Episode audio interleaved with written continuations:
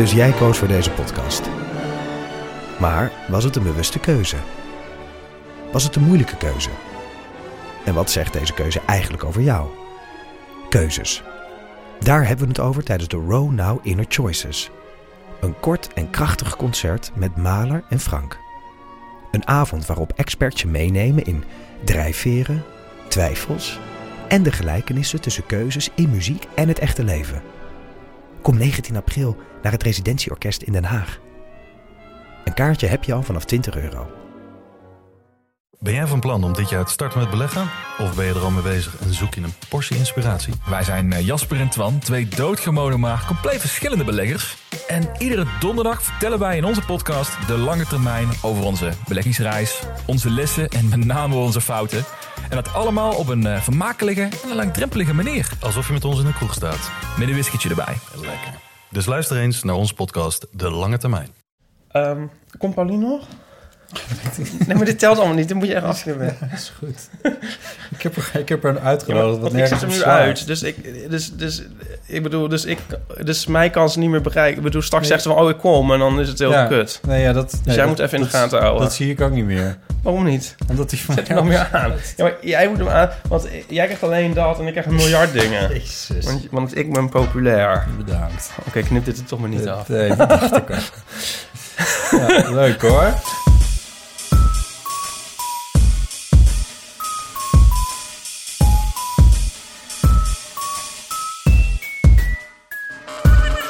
Maar we mogen dit dus niet de bezemwagen noemen.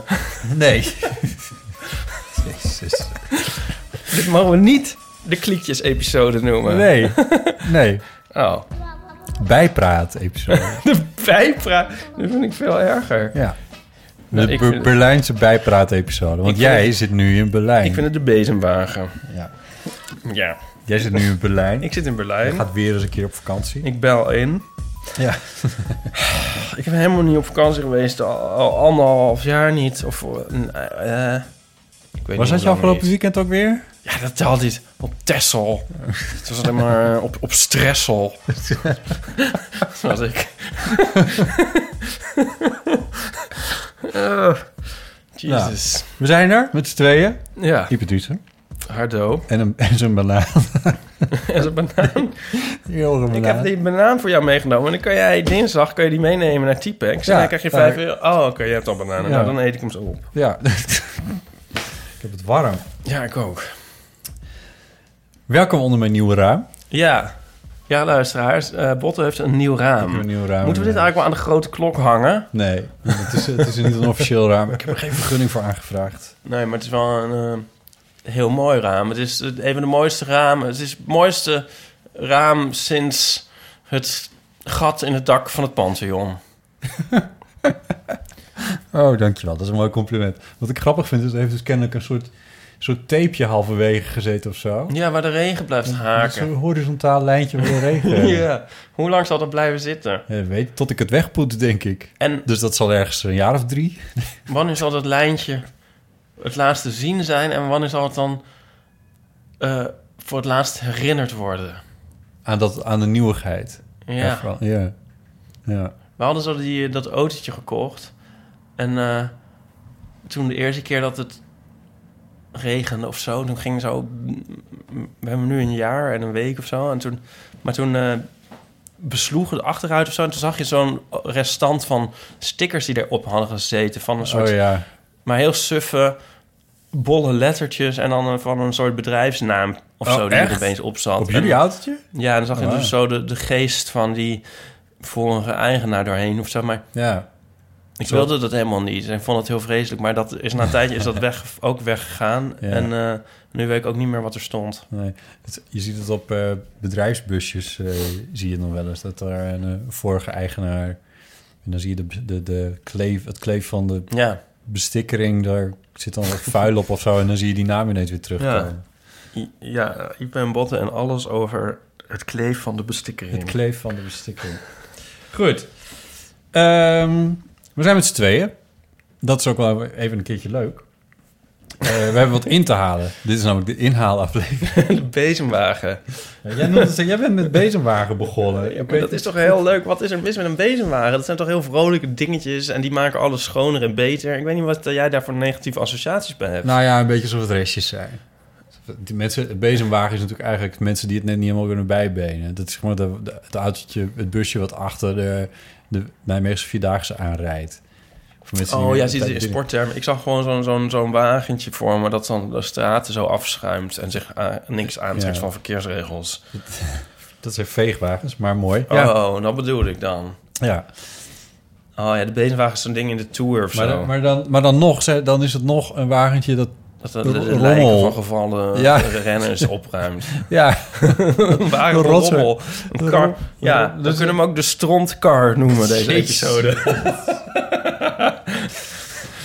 er zijn, dit knip ik er allemaal af. Er zijn een paar eh, dingen blijven liggen eh, van eh, de afgelopen periode. Oh, je brengt het zo aantrekkelijk. Van eh, dingen de- waar we niet aan toe zijn gekomen of... eh, of, of nou ja, Is het hele leven is eigenlijk één grote opeenstapeling van dingen waar je niet aan toe komt? eigenlijk zou je Of is het in je leven ook zo'n jaar moeten hebben. Zo'n jaar als, de, als deze Oh ja. aflevering is. Oh ja. Ja, dat is wel zo'n ding, toch? We hebben het ook wel eens over gehad van mensen die om een jaar niet meer geen nieuwe boeken of, of cd's en zo kopen. En dan alleen maar gaan kijken wat hadden we ook weer allemaal nog en zo. Oh, zo ja. Ja, maar Ja. ik zou wel voor zijn om het gewoon mondiaal te doen.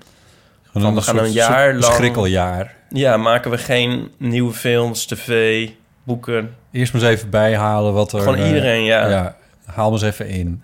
Dat zou toch fantastisch zijn? Ook eigenlijk geen nieuw nieuws moet je eigenlijk ook niet maken. Nee, alles blijft gewoon precies hetzelfde. Voor één jaar lang blijft Ja. alles precies hetzelfde. Wat een soort groundhog... Een day. Groundhog Day, maar waarbij je dan wel alles kan lezen en, en weet ik veel. Eindelijk is de plintjes opplakken en zo. En al. Oh ja, Dat plintjes. moet dan ook. De beruchte pleentjes, die liggen hier ook nog steeds los. Ja. Goed, aflevering 72 is dit. Alweer.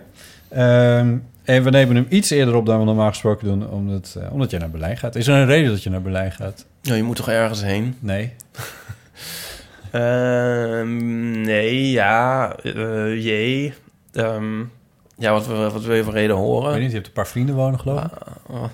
Nou ja, Oh, vrienden. Een ex. een ex, ja. Dat in ieder geval. Ik meen dat je er meer mensen kennen.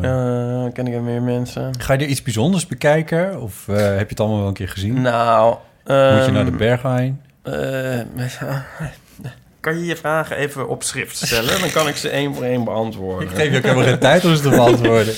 Ehm, Zoveel interesseert het me nou eigenlijk. nee. Ik kan wel een soort van poëtisch antwoord geven. Of nee, niet poëtisch, pretentieus. I don't know. Een antwoord geven. Dat toen ik... Ik hiel- hou niet van reizen, zozeer. Nee. Maar toen ik ooit in Berlijn arriveerde... Ja, het klinkt zo vreselijk dit, maar goed. Toen ik in Berlijn arriveerde, we spreken het jaar 1638. Toen had ik... Dus voelde ik me daar dus thuis. Wat ik nog nooit had gehad Oh op God, enige bestemming. ja, dat weet ik, maar dat is gewoon zo. En dat is dus, dat vind ik er heel erg lekker aan. I felt like, like really like I was at home. Hou op. Nou, misschien had ik het ook wel in ehm, Scandinavische steden. Zoals... Nou, zoals Stockholm, Kopenhagen, Göteborg. Maar dat kan ik nooit uitspreken. En Oslo. Ja. Oslo, zeker. Is heel mooi, maar daar ben ik niet zo lang geweest. En ook wel met andere Duitse steden, overigens. Waar de jongens lang zijn, blauwe ogen hebben, blond haar. Goed Arisch. Nou ja, is dat in Duitsland ook zo? En, Ja. Maar in Duitsland is, is het dan more zo, omdat het dan ook nog een beetje rommelig is... en eh, mensen dan ook met biertjes in de metro staan en zo. En dat vind ik dan ook wel leuk. In ieder geval, het is niet zo'n uitdagende bestemming. Het is niet zo dat je moet denken van... God, Hier moet ik dingen. Hier moet ik, hier moet ik me op een bepaalde manier gedragen. Hier moet ik bepaalde kleren aan hebben. Om ja, of helemaal wennen of zo. Gewoon zo, ja. Ja, maar het, is, het geeft wel toe dat het echt verschrikkelijk is om dit op deze manier te zeggen. Maar goed, Over ja, ik heb het nou al gezegd. Maar dus toen dachten we van, nou, zullen we daar dan maar weer eens heen? En ehm, het, wat er ook wel bij komt, is dat het een platenwinkel Valhalla is. En ehm, we echt wel, Nico en ik, allemaal enorme behoefte om daar even ons weer aan te buiten te gaan. Oh ja. En wat op programma staat is... ehm, want ik ben wel heel vaak geweest... maar dan, na een tijdje kun je alles opnieuw doen. En Nico die kwam zo zoet aan... met dat hij de buste van Nefertiti wil zien. Wie? Nefertiti. Wie is dat? Eh, de Egyptische koningin. Die staat in het Egyptisch museum Oh. daar. Oh. En dat is een van de pronkstukken. Is misschien wel het pronkstuk van Egyptische kunst buiten Egypte. Oh, oké. Ja. En wat Nico niet weet, is dat we dan ook naar het Pergamon Museum gaan. Ehm. want dat is ook heel leuk. Dat is ongeveer het grootste gebouw ter wereld, na het Pentagon. Het Pergamon en het Pentagon. Ja, Ehm, nou ja, zo. Ik heb er eigenlijk wel zin in. Het zal wel niet doorgaan. je kijkt erbij alsof het niet waar is. nee, omdat ik dus Het zal wel dacht- niet door. Ik dacht, wat zou ik zeggen? Ik heb er wel zin in. Want dan, dat brengt natuurlijk ongeluk. Nou ja, Daarom je- keek ik zo. Maar Je ik, zeeg net in deze stoel neer onder de woorden... Jezus, je kan ook helemaal niet op nee, vakantie ja, dus het is wel heel kut dat je dan zoveel moet voorbereiden. Ja, omdat je gewoon half november, wat is het, begin november op vakantie gaat... en niemand doet dat dan. Ja, en al het leven gaat door. Tenminste, voor, voor, voor sommige mensen. En dat is onhandig. Je kan beter in de zomer gaan als iedereen is. Of, of met kerst is ook heel even een moment dat het alles stil ligt. En dan Ja. kan het nog wel. Ja, maar dan is het ook wel weer fijn om gewoon lekker in je eigen huisje op te sluiten. Ja, maar nu is het Zegt zo degene van... die nooit op vakantie gaat. Maar goed, ga verder. Ja, je moet de weken ervoor, dan moet je heel hard werken om te zorgen dat je alles in die week al gecoverd hebt. En als je dan terugkomt, moet je weer heel extra hard werken om alles wat toch nog Ja. erbij kwam of je gemist hebt, dat- weer in te halen. Dus het is een soort, soort, een soort met stress omgeven Ja. Ding. Niemand wint hier eigenlijk bij. Nee, ja, misschien de, de, de, de, economie. Ja, precies. Eh, Ja. ja, Anyway, ja. zullen we hem gewoon maar aanslingeren? ja, ik zal nog iets aan denken, maar ik weet niet meer wat. Oh ja, ik wil nog weten, hoe, hoe gaan jullie er naartoe? Welk vervoersmiddel kiezen jullie? Met Travis. Oh, het autootje dus. Ja. Oh, november. Ja, met de auto. Ja, god ja. Dan gaat Nico weer 220 rijden op de Duitse Niet, snelwegen. niet met dat ding. Dat moet hij gewoon niet met dat ding Nee, doen. ja, I know, maar ja. Ehm god, famous last word. Ik hoor me dit allemaal... Ik hoor de luisteraars dit al helemaal horen zo van... eh, Toen, hij, hij, voor, hij voorspelde het al in aflevering uitspreken. 72. Als je hier iets onbeschilderd maar af. Ja. Ja. In aflevering 72 van de Eeuw van Amateur zei hij het nog. November. Ja, ja, jij zei november. Ja, Daar moet ik even aan denken. Zullen we Wat het ook gewoon is geworden. November Spawn the Monster van Morrissey hieronder monteren? Eh, waarom niet? Het is niet zo'n goed nummer alleen. Oh, nou, dan doen we het niet. Ik vond het zo'n goede titel. En toen hoorde ik het nummer en toen dacht ik, oh. Maar goed. Ehm, Is het nieuw? nee, nee, het is Ja. heel oud. Oh. Ja, november. Dit is, eh, het is echt november. November er kan niet dan vandaag. Ja, met donker weer. En, maar het is niet helemaal waar, want het, vanochtend scheen de zon. Maar toen, toen, toen, toen had ik de gordijnen nog dicht. Precies, ja, ik was al wakker, want het raam werd erin gezet. Anyway,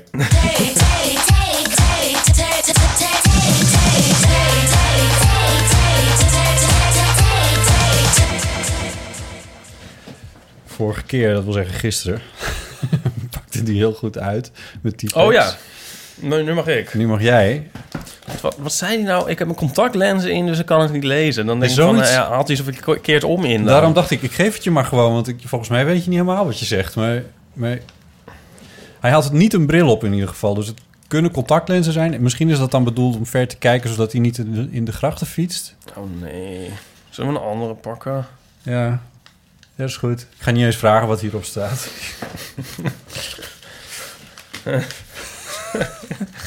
We worden wel een beetje. Ah, kijk, nee, dit is echt een veel betere, veel geschiktere voor deze dag en dit moment. En het sluit ook helemaal aan op waar we het eigenlijk... Eh, dit, dit, ja, waarom pakte ik deze niet gelijk? Ja, Botten, deze heb ik gepakt. Ga verder. wat is jouw favoriete plek in huis? Ah, onder dit raam. Ja, Dat is natuurlijk het goede antwoord. ja. Ja.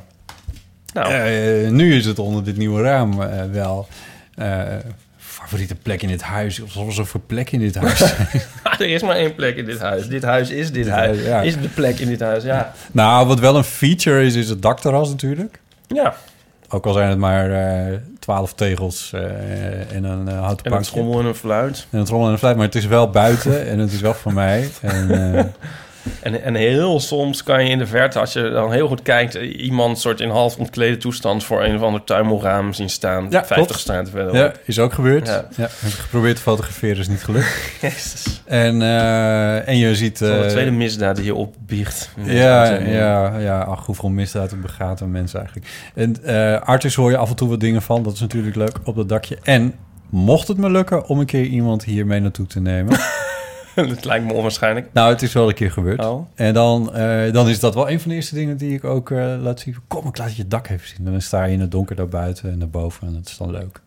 Oh, Alleen bij nacht lukt het je om hier mensen naartoe te krijgen. Knip ik er allemaal uit, hoor. Ehm, Zin in. nee, Met mijn seksleven heeft het al moeilijk genoeg zonder die kutopmerkingen, Ipatrice. hoezo? Ehm, nou, Jij dan? Nu ga ik de vraag beantwoorden. Eh, de douche. Van jullie huis dan? ja. Ja. Oh, ik kan me wel iets bij voorstellen. Want jullie hebben best een bijzondere. ja, die is heel leuk. En eh, met Het is een, beetje een exhibitionistisch ding geweest de hele lange tijd. Ja, toen er, toen er geen, geen, hoe heet dat nou, een muur in zat. Ja.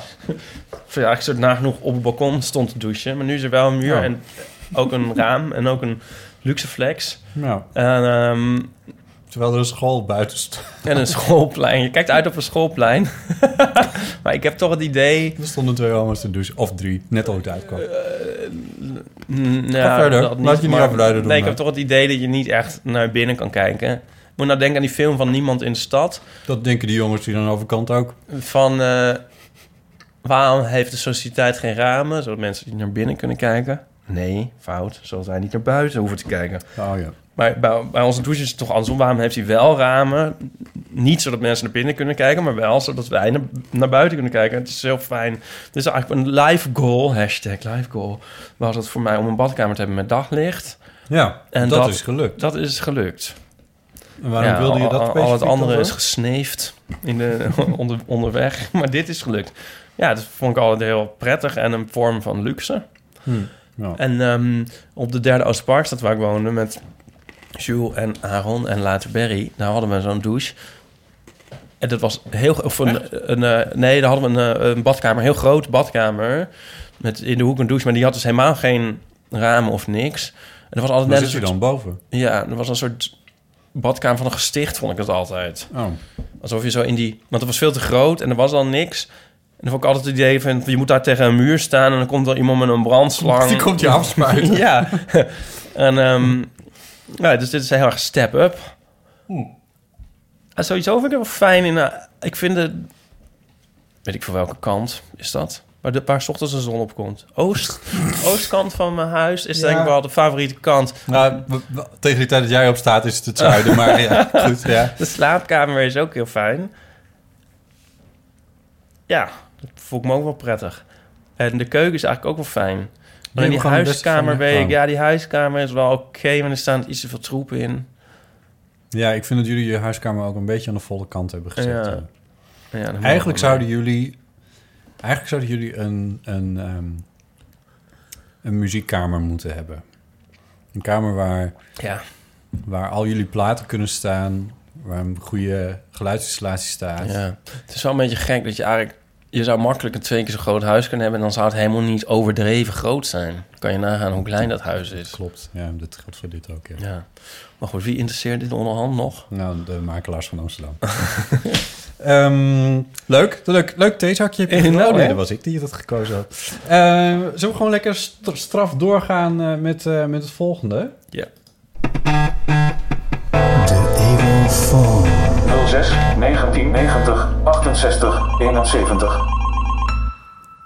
Ja, het is wel leuk, maar het is toch leuker als, er, als iemand anders erbij zit Vind je? om die tune te laten horen. Heb je dat niet? Ik kan ook wel in stilte van genieten gewoon, zonder dat het helemaal uitgespeeld is. Ja, oh, je, je zet het s'avonds wel eens aan. Ja. In die woonkamer van jullie. In die muziekkamer. Ehm, we hebben eh, drie eeuwofoon berichten. In de bezemwagen. Die, sommige die staan hier al een tijdje, dat klopt. De en, afzenders zijn ook reeds, eh, hebben reeds het tijdelijke voor het eeuwige verwisseld. Jezus. Eh, eentje is... ehm, eh, even kijken hoor. Die is, is, is Op ruim een dag is het zo. Op een dag is iedereen die ooit naar deze podcast heeft geluisterd overleden. Heb je daar wel eens over nagedacht? Is dat geen gek idee? Ja, Nu al die duizenden mensen. Op een dag Nou ja, zullen die er niet op meer het zijn. moment dat, eh, dat Art19 eh failliet gaat, Ja. is alles offline. Is het zo? Dan staan we het dan niet meer op Soundcloud? Wordt het allemaal doorgesluist? Oh ja, Soundcloud moet dan ook failliet inderdaad. Oh, nou, kijk. Ja. ja, dan is het allemaal weg. Oh ja. Ja, als iemand anders zich daar nou even druk over maakt... dan maken wij gewoon even een leuke podcast. Ja, nee, is goed. Ehm, eh, Teun heeft een bericht ingestuurd en het duurt ruim vier minuten. Dus Ach, eh, hij heeft er de tijd ga voor. even naar de wc. In principe ben ik daarop tegen. Ik vind dat van de keuken? twee minuten, vind, nee, twee minuten vind ik, eh, vind ik alles wat, maar eh, vooruit. Hey Botte, Ipe en een eventuele gast. Eh, hier eh, Teun en ik, ehm, ik wou nog even reageren op dat onderwerp wat jullie vaak aanhalen van de awkward mini coming Oh. out. Nu ben ik zelf biseksueel, dus wat dat betreft hebben mensen het eigenlijk altijd goed in mijn geval. Eh, maar waar ik wel heel vaak last van heb, en Paulien Cornelis heeft het daar ook een keer over gehad, dat ze voor het andere geslacht wordt aangezien. Ik ben dan eh, een man, maar ehm, en qua uiterlijk zien ze me ook altijd als zodanig. Maar als ik telefoneer, dan ga ik blijkbaar hoger praten. En het gevolg is dat mensen dan dus zeggen: Goedemiddag mevrouw, ik verbind u door. Kom je bij een volgende terecht? Dag mevrouw, waar kan ik u mee helpen? En elke keer denk je: wanneer moet ik zeggen? Het is meneer hoor. Ga ik wel eens lager praten? Maar heel vaak laat ik het ook. Maar dan komt het weer uit, want dan zoeken ze mijn gegevens op en dan kunnen ze me niet vinden. Want dan zoeken, zien ze alleen maar aan meneer van Essen. En ergens komt het altijd maar weer ter sprake: ja, dat ben ik. En dan voel ik me zo lullig.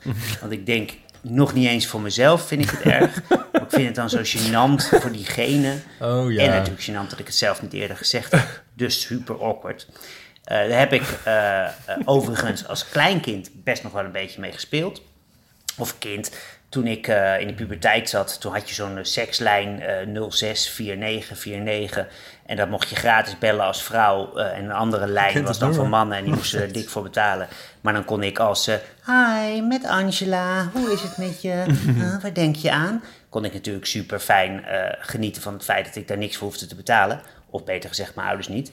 Eh, maar toen ik wat ouder werd, werd dat wel steeds meer gênant. En ehm, eh, ging ik dus eh, eh, da- daar steeds moeilijker mee om. Nou had ik op een gegeven moment een fonds waar ik mee te maken had. En daar mailde ik naartoe met de vraag voor subsidie en vragen. Nou, toen werd ik doorverbonden, mevrouw, mevrouw. En daar ontstond een superleuk contact met, die, met diegene aan de, aan de andere kant van de lijn. Ehm, maar elke keer zei zij van mevrouw dit, mevrouw dat.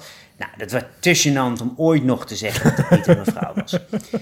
Op een gegeven moment ontstond er ook mailcontact vanwege eh, toelichtingen en dat soort dingen. En stuurde ik dan maar terug groetjes. En had ik zelfs mijn mailnaam aangepast dat er niet meer een voornaam stond. Dus niet Teun, maar T. Eh, zodat ze eh, in ieder geval niet dacht van... oh, wat gênant, ik, eh, ik benader eh, hem steeds verkeerd. Eh, totdat ik op een gegeven moment een brief kreeg van het fonds... of ik mee wilde doen in een denktank. En eh, nou, het leek me natuurlijk superleuk. eh, en interessant en eh, kloppend bij mijn vak. Dus ik ga er naartoe, de hele tijd denkend... oh god, straks moet ik die mevrouw onder de ogen komen... en dan eh, voelt ze zich natuurlijk super gegeneerd. Maar het werd nog veel erger, want eh, we heel veel mensen uitgenodigd... en wij, wij zaten in een soort kantine... en daar sprak de, de directeur van die stichting, die sprak ons toe... En die eh, begon met het verhaal dat ze eh, dit jaar bewust alleen maar vrouwelijke adviseurs hadden aangenomen. Om op die manier te komen tot een 50-50 verdeling tussen mannen en vrouwen. Nou, ik kan je zeggen, het was het meest pijnlijke voorstelrondje wat ik ooit. Dus, eh, jullie hebben geloof ik geen rubriek die awkward mini coming outs heet. Maar dan maar weer onder de noemer. Ah. Wat de fuck? Ja. Om even hoog te spreken. Maar het stomme is, normaal spreek ik dus helemaal niet zo hoog. Of, nou ja, dat moeten jullie echt maar beoordelen. Eh, nou, heel veel kusjes en veel plezier in iedereen. En eh, ga zo door. Doei. Doei. Teun, dankjewel voor je... Oh, ik zit echt te huilen van het lachen. is eigenlijk, het is niet het grappigste verhaal. Ja, dit is wel heel grappig. Dit is trouwens dezelfde als die we een paar weken geleden hadden met... ehm, eh, die de kleedkamer van Nick en Simon had eh, iets soort van ingenomen. Ja, nee, maar dat dacht ik al. Ja, dat is dezelfde. Want ik dacht weer van het is Bart Kamps even. ja, dacht je dat toen niet? Stem lijkt een beetje op Bart Kamps. Ja, en ehm, ja. voor iemand die dit probleem heeft, is het wel een beller. ja, Zeg maar. ja. Het is niet Ja. dat hij dat telefoneren uit de weg gaat. Nee, Of het, eh, omdat, het, omdat het niet meer kon eh, door negatieve ervaringen Ja. uit het verleden. je hebt helemaal gelijk dat eh, vier minuten natuurlijk veel te lang is. Maar dit, dit was wel worth every second. Want het is echt wel heel geestig. Ja, ja. Ik vind het ook wel. Ik vind het ook wel. Dat is niet meer een awkward mini coming out inderdaad. Dit is wel een, een soort awkward macro coming out. als je dan ineens. Het is gewoon, ja, het is echt heel grappig. Je moet denken en aan het is mijn... ook niemands fout. Het is natuurlijk ook nog eens een keer. Ja. Ja, je mis, ja, ik weet het. Nee, nee. Assumption is the mother of ja. all fuck-ups, zeggen ze dan in journalistiek. Maar ja, goed. Maar ehm, ik, ik herken dat hoger praten aan de telefoon wel ook van mezelf, geloof ik. En ehm, ik heb het dan weer van mijn moeder, die echt eh, heel erg de hoogte in kan. En dan ook naarmate... Ga je moeder nou weer Nee, ik ga niet imiteren. Maar naarmate de afstand groter is, heb ik ook het idee dat ze hoger gaat praten. Dus als iemand uit Groningen, zeg maar, moet bellen... Oh, dan moet de stem, de stem moet wat verder dragen. Dan gaat ze nog harder en hoger praten. En als je in het buitenland bent, vroeger als je dan wel eens... Nu is het misschien wat minder, maar als je dan van vakantie of zo belde... Zo van, nou eens even bellen naar mijn ouders... Dan, dan je de hoorn echt een halve meter van je ja. oren. Glazen die sprongen. Ja, Maar goed. oh ja. Ja, maar ik doe het zelf ook een beetje. Mooi. Maar heb je dan ook van die, van die mini-comics gehad? Nee, je spreekt met meneer Driessen en niet met mevrouw Driessen. Ja, nee, dat valt wel mee. Nou ja. Dat valt wel mee. Ik vond het, vind het ook niet...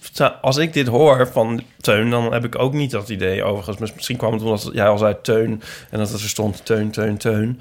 Maar Ja, te- en, dit, en dit, is niet, dit was niet telefoonkwaliteit, hè? dit was beter. Dit was eh, gewoon eh, via een microfoontje opgenomen, Ja. en niet eh, via de telefoon. En dat scheelt wel. Het, op telefoongeluid is het soms moeilijker.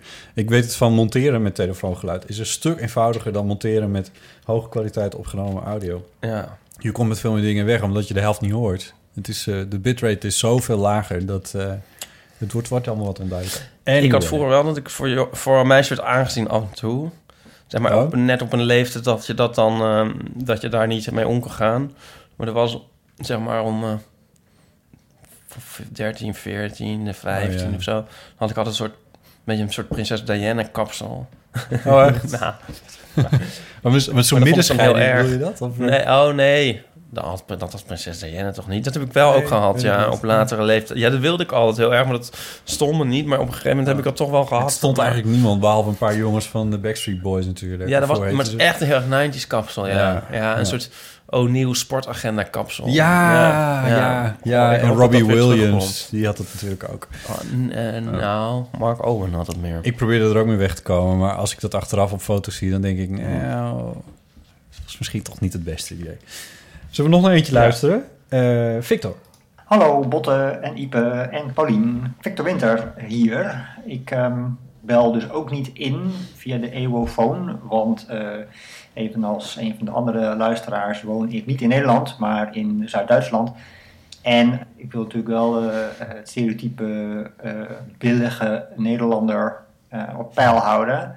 Dus ik dacht, ik stuur gewoon even een, een geluidsbestandje. En waar gaat het nou over? Nou, het gaat over jullie aflevering van vorige week. over covers, waarvan je niet wist dat het covers waren. En ik heb daar namelijk ook een heel leuk voorbeeld van, vind ik zelf. Wij wonen al een aantal jaren in, eh, in Duitsland en wij hoorden eh, een aantal jaar geleden een heel leuk liedje hier. Dat eh, heet Frankfurt Oder. Ehm, dat is dus niet Frankfurt van, dat, van de Europese Centrale Bank, maar de Frankfurt aan de grens van Polen. Het is, toen ik het de eerste keer hoorde, dacht ik ook van Frankfurt Oder, in de zin van of iets anders, maar dat, dat is het dus niet, want het is gewoon een rivier die heette de Oder. Nou goed, dat was eventjes terzijde. Eh het liedje Frankfurt Oder dus, dat is van een zekere Bosse en hij zingt dat samen met een zekere Anna Loos. Eh, een hartstikke leuk liedje en relatief bekend in Duitsland hier. En nou waren wij eh, voor een maandje geleden of zo eens een keer in Nederland. En toen hoorden we daar een liedje op de radio bij, bij vrienden. En dacht, hé, hey, dit is een heel bekend liedje, dit is, maar dit is Nederlands. En dat was dus Zoute Landen ehm, Oh. van Bluff. Samen met eh, de voormalige zangeres eh, van, van, van Hoe Vond ik. En dat eh, vond ik zo grappig, omdat eh, dat was blijkbaar dus een monsterhit in Nederland. Wat, ik Ja. niet, wat wij verder niet echt mee hadden gekregen. En dat is dus een cover van een Duits, eh, van een Duits nummer. En als ik het goed begrepen heb, is het in Nederland al veel bekender, beroemder dan dat liedje, of dat originele liedje van, van die Duitsers eh, ooit in Duitsland eh, eh, is eh, geweest.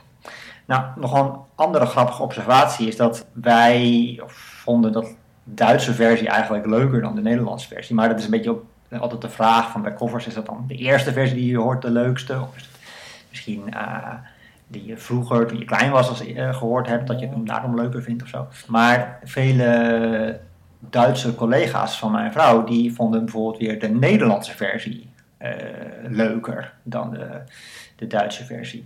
Dus wat ook nog een rol kan spelen is misschien ehm, eh, de taal. Hè? Dus dat je, als het in een buitenlandse taal is, dat je dan denkt, oh dat is allemaal heel eh, ja, eh, spannend of je snapt ook niet helemaal precies wat ze zeggen. Terwijl het in je eigen taal is, dan denk je van nou, dat is wel lekker banaal of zo, of heel plat. Of, eh, nou. Dus dat is eigenlijk ook een beetje de vraag. Misschien eh, kunnen jullie daar nog iets aan toevoegen, of wat, jullie specifieke mening is over, over covers en over ook de taal waarin bepaalde nummers geschreven zijn en of dat dan bijdraagt aan nou ja, hoe je het waardeert. Ja, oké, dus dat was het eigenlijk van mijn zijde. Herzliche Grüße uit eh, Heidelberg. En ehm, ga zo door. Ik luister met veel plezier. Eh, ben, heb het pas net ontdekt eigenlijk. Ik ben pas een paar weken eh, op jullie spoor. En ik vind het echt superleuk. Dus ehm Mooi. dankjewel daarvoor. Alsjeblieft. Dankjewel, Victor. Wat, wat Victor niet weet is dat dit eigenlijk allemaal covers zijn van een Duitse podcast. ja, precies. Ja, ja eer voor. maar ik wil niet dus een eh, emmer ijswater over deze eh, voicemail pleuren. Maar ik wist dit wel hoor. Ik De Frankfurt Oder bestond. Ja, dit is, toch, is dat niet algemeen bekend? Ik weet sterker nog te vertellen dat het idee om een Nederlandse vertaling van dat liedje te maken... ehm, door Herbert Grönemeyer eh gesuggereerd is aan Bluff. Oh, oké. Ja, dus daar mogen ze hem wel dankbaar voor zijn. Ja. En dan niet om nou, zeg maar, hoe zeg je dat? Om nu een veel te veel bereden paard, paardje, ehm, paardje, paardje, nog een keer te gaan bereiden. Weet ik veel. Ik zit uit- uitdrukkingen te bedenken. Oh, breed pa- ik dacht een breed bospad, maar je, een bereden paard. Nee, ik bedoelde een paardje zonder R. Oh. Maar Ja. wat ik bedoel is, iedereen zit altijd op bluff te, te fitten dat het zo'n kutband is. Ja. Daar wil, dat wil ik niet nog een keer doen, maar ik vind het nummer Zoute Landen dus echt, dat kan ik echt niet uitstaan. Dus, en dus ik heb me ook nooit verdiept in waar dat dan vandaan kwam. Eh, Ik heb het één ligt dat vooral aan de, de drum, drums die eronder zitten. Die, ik, ken, ik ken niet één nummer waarvan de drumtrack zo ongeïnspireerd is als eh, het spelen van Zoute Landen Oh. van Bluff. Maar goed. Ja, ik heb het één keer geluisterd, maar is wel grappig dat iets nu een monsterhit kan zijn in de- deze tijden. En dat je dan... volledig aan je bij voorbij. Ja. Ja. dat is ook wel een beetje Want waar. Weet je dat ik Despacito nog nooit is iets geheel Oh ja, heb nee, dat, weet ik dus ook niet. Ja, Nee. er zijn van die dingen dat je uiteindelijk weet je de- van, oh, dat is een hit, maar je weet, maar je kent hem niet. En Nee. heel vaak denk ik dan niet de moeite om het. Maar Marines van een balladier die zei van, je moet dat nummer even luisteren. En ehm, Want? Omdat het eh, heel goed was, zei hij. En, eh, en hij kwam ook met het verhaal, of volgens mij Oh ja. van de Duitse vertaling. Maar hij vond het heel goed, maar ik denk dat je misschien wat vaker moet horen. Want het zal toch ook niet... Ja, het deed me niet zoveel. Laat ik het... Ik ga het nog eens luisteren. Ja. Ik ben niet tegen bluff. Weet je wat ik echt onwijs goed nummer vind? Ik ga Eh, Frankfurt Oder wel even een keertje aanzetten. Daar ben ik wel nieuwsgierig naar geworden dan. Ah ja. Mooie dag vind ik een goed nummer. Van Bluff. Ja. Ja, dat is wel... Ja, dat vind ik ook wel... Een, ik, ik vind niet alles van Bluff slecht. Maar het slaat natuurlijk ook nergens op. Nee, ja, daarom. Dat, dat, dat- daarom is het ook een heel... heel daar, maar ik, nou ja, goed, laat maar. Maar de vraag is ook wel iets algemener. Eh, covers waarvan je niet wist dat het covers waren. Dat heb ik heel lang gehad met Hallelujah. Eh, wat... Kende je mijn versie, dacht je dat dat het origineel was? Ja, ik kende de. eh, ik, ik, ik was helemaal into Jeff Buckley. En zijn, eigenlijk zijn enige plaat, eh, Grace, daar staat Hallelujah op. Mhm. Die versie die hij daarvan heeft gemaakt, die is eindeloos door anderen weer nagemaakt. Tot zover dat het zelfs helemaal kapot gespeeld is, wat mij betreft. Ik kan, kan, het nu, kan er nu moeilijk meer naar luisteren. Maar ehm, toen ik dat, die plaat is in 1994 opgenomen en ik heb daar kennis van genomen in vijf, zes jaar later, zoiets. Toen hoorde ik het voor het eerst. En toen was ik echt wel helemaal, vond ik het helemaal te gek. Maar dat is het origineel, is dat van... eh, Leonard Cohen. Leonard Cohen. Je bent onder de tafel een pepernoot aan het, aan het opeten. Lekker. Ja. Ehm, van Leonard Cohen. En die versie vind ik dus helemaal niet zo goed. Die is heel... Is toch ook een overschat nummer van alle... alle um, Ja, maar... vreselijk nummer. Ja, En, um, ja, maar- hoe heet ja, maar waardoor is vreselijke nummer ook weer van... um, eh, van um, Suzanne? Ja, Is dat, Suzanne. Is, dat- is Ja. dat ook van hem? Ja, dat is ook Oh. van Leonard Cohen. Ik, ah, die Leonard Cohen, oh, daar kan ik niet tegen. En iedereen daar met me weglopen. Als met die, die vreselijke Bob Dylan. niet tegen Lucky zeggen. Maar eh, ik echt van, eh, jongen, jongen. En dat, en dat vreselijke van... is dat van Bob Dylan? I Can't Help Falling In Love With You? Ik denk, waar moeten daar dan 100 miljoen versies van zijn? Dat is toch een nummer van niks? Nee, ja. Ik weet niet... Ik kan Dat ik dan, dan kan ik er van genieten als dat verkracht wordt. Van, van eh, die, die versie van UB40. En dan denk ik net goed. En dat heb ik ook met dat Hallelujah, dat ze dat bij eh, Idols gingen doen en zo. dan denk ik net ja. goed. Oh, nee, ja. Dat zal ze leren. Ja, maar dat staat allemaal buiten Jeff Buckley. Ik vind dat de enige die het echt begrepen heeft, Jeff Buckley. Al die andere mensen die ook Jeff Buckley's versie gingen naspelen, die begrijpen volgens mij ook niet helemaal wat Jeff Buckley daar aan het doen is. Ja. De- En Jeff Buckley doet iets heel anders. Want het origineel is echt vrij bijbelse tekst. Eh, met ook zo'n eh, zo'n heel halleluja koor erachter. Met, eh, hoe, hoe heet dat? Zo'n Amerikaans uh, Ja. soulkoor. Dat het halleluja gaat zingen. En dan wordt het ineens heel sacraal van. Maar Ja. echt heel fout sacraal. Bij Maar waar gaat het überhaupt over? Nee, da- dat is onduidelijk. Maar doordat het daardoor, daar, daar bij Cohen zo sacraal wordt gezongen... is het ineens een heel kerkelijk nummer... en gaat het nergens meer over. Terwijl als je Jeff Buckley hoort zingen... dan gaat het ineens over... is Halleluja wordt bijna een soort van een, een soort... wordt bijna een soort orgasme of zo wat hij bezingt. En, dat, en, en dan wordt het nummer ineens heel anders. Hij heeft ook maar... Het origineel heeft iets voor... Heeft ook wel, ik geloof dat Leonard Cohen iets voor 14 coupletten heeft geschreven of zo. Die heeft hij niet allemaal opgenomen. Maar Jeff Buckley heeft daar maar een paar uitgekozen. Die in zijn straatje dat de luisteraars mijn, mijn ogen horen rollen. Ja, ja, precies. Je zal het allemaal moeten aanhoren, is wat je daarmee bedoelt. Nee, maar, meer van de, de, pre- de pretentie. Maar ik heb dus Nou, serieus ja. een cover gemaakt hè, van Halleluja. Oh, dat wist ik niet. Ja, nou, serieus. Ik, ja, je hebt, om, kap- eh, je hebt het ook kapot gemaakt. ergernis. gecoverd. Ja, ik kan maar een heel klein stukje laten horen even. Heb je hem, eh, je hebt hem paraat? Hoe kun je dat nou paraat Nou, hebben? gewoon mijn- Ik luister altijd alleen maar naar mijn eigen muziek in zijn en zo. Hij is niet zo goed gemasterd hoor. Maar om een idee te geven. Dit kunnen we niet op Spotify vinden. Nee. Ja, dan ga ik er ook niet netjes onder monteren. Ja, Ja, ja, hoor. Wa- Hoe? Eh, Ja, Dries Sink Cohen. Ja, je houdt hem maar even bij de microfoon. Ik ga dit niet netjes monteren.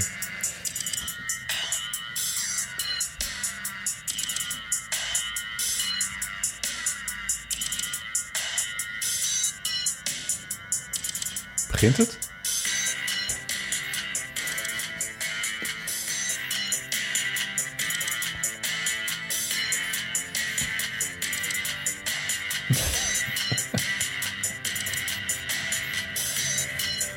Ga je bijna... Oh ja. Zing je nou of niet?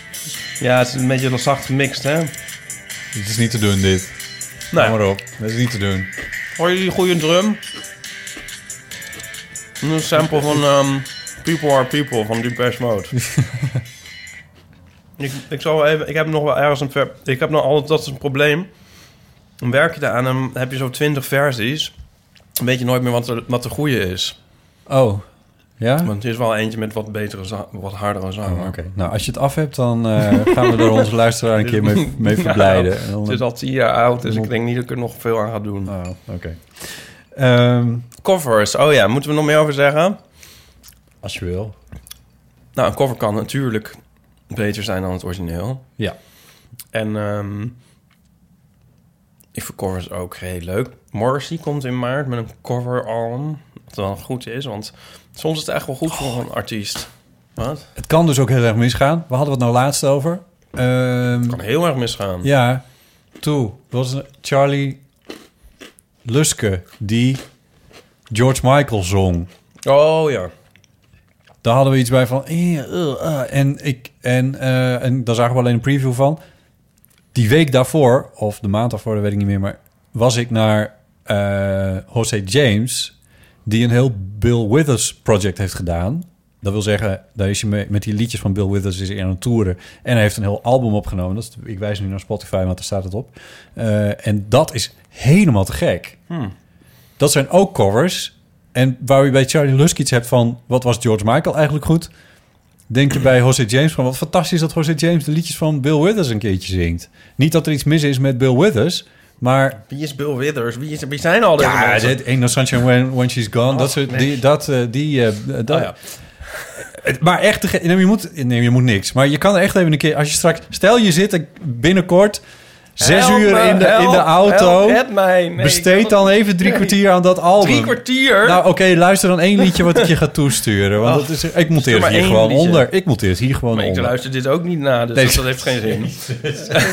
Geen enkele zin. Nee. Het is echt heel goed. Oké, Anyway. fijn. Oké, Ja, fijn. Dus covers kunnen, Ja. covers kunnen beter Ja, zijn dat dan was al established, ja.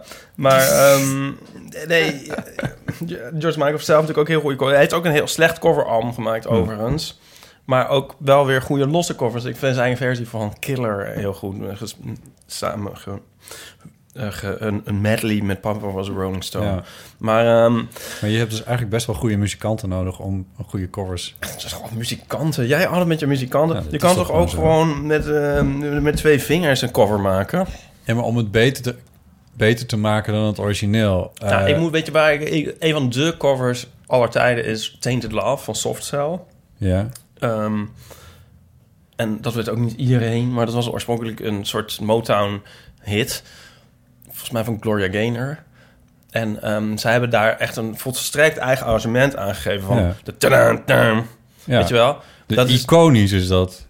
Ja, maar het is hun... eh, Dus eh, zij hebben daar met dat arrangement eigenlijk... hebben ze dat origineel soort overvleugeld. En het grappige is... Dat was laatst een interview met Mark Elman van Softcell.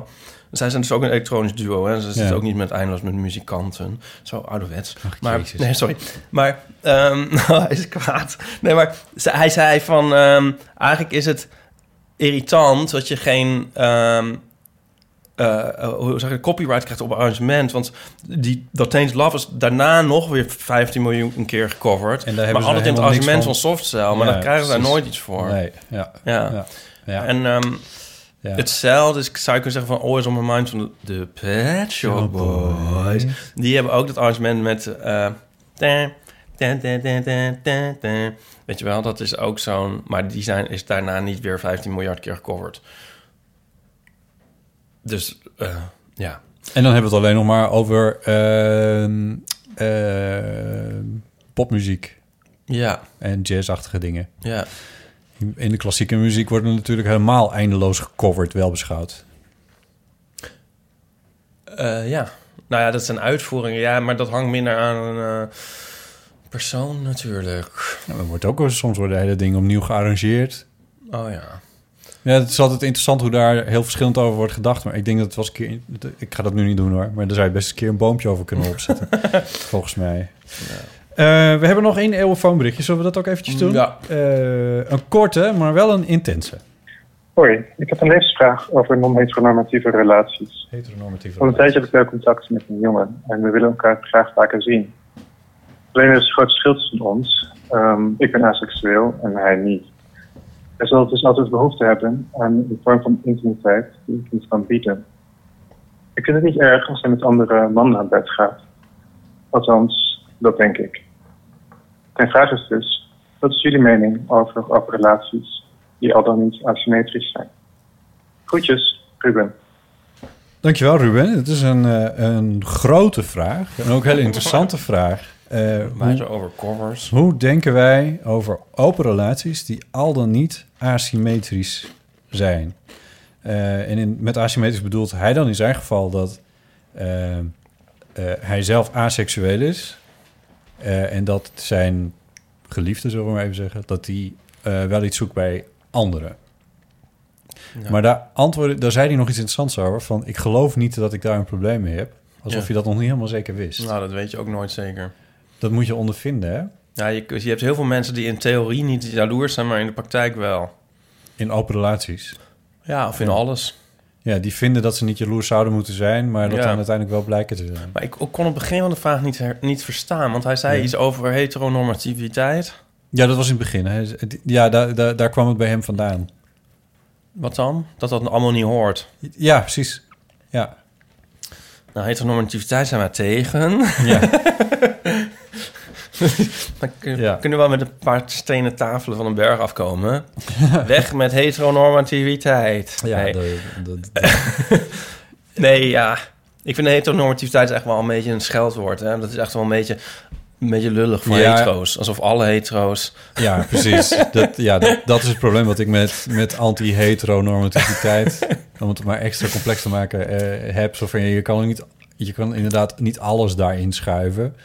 Er zijn heus wel leuke hetero's. Ja, dat. Ik heb gehoord dat er wel dat er leuke En- hetero's zijn. Ze En schijnen ik, vind, ik vind ook... schijnt ergens in, in, in West schijnt een leuke hetero te wonen. In, in de Watergraafsmeer geloof ik ook.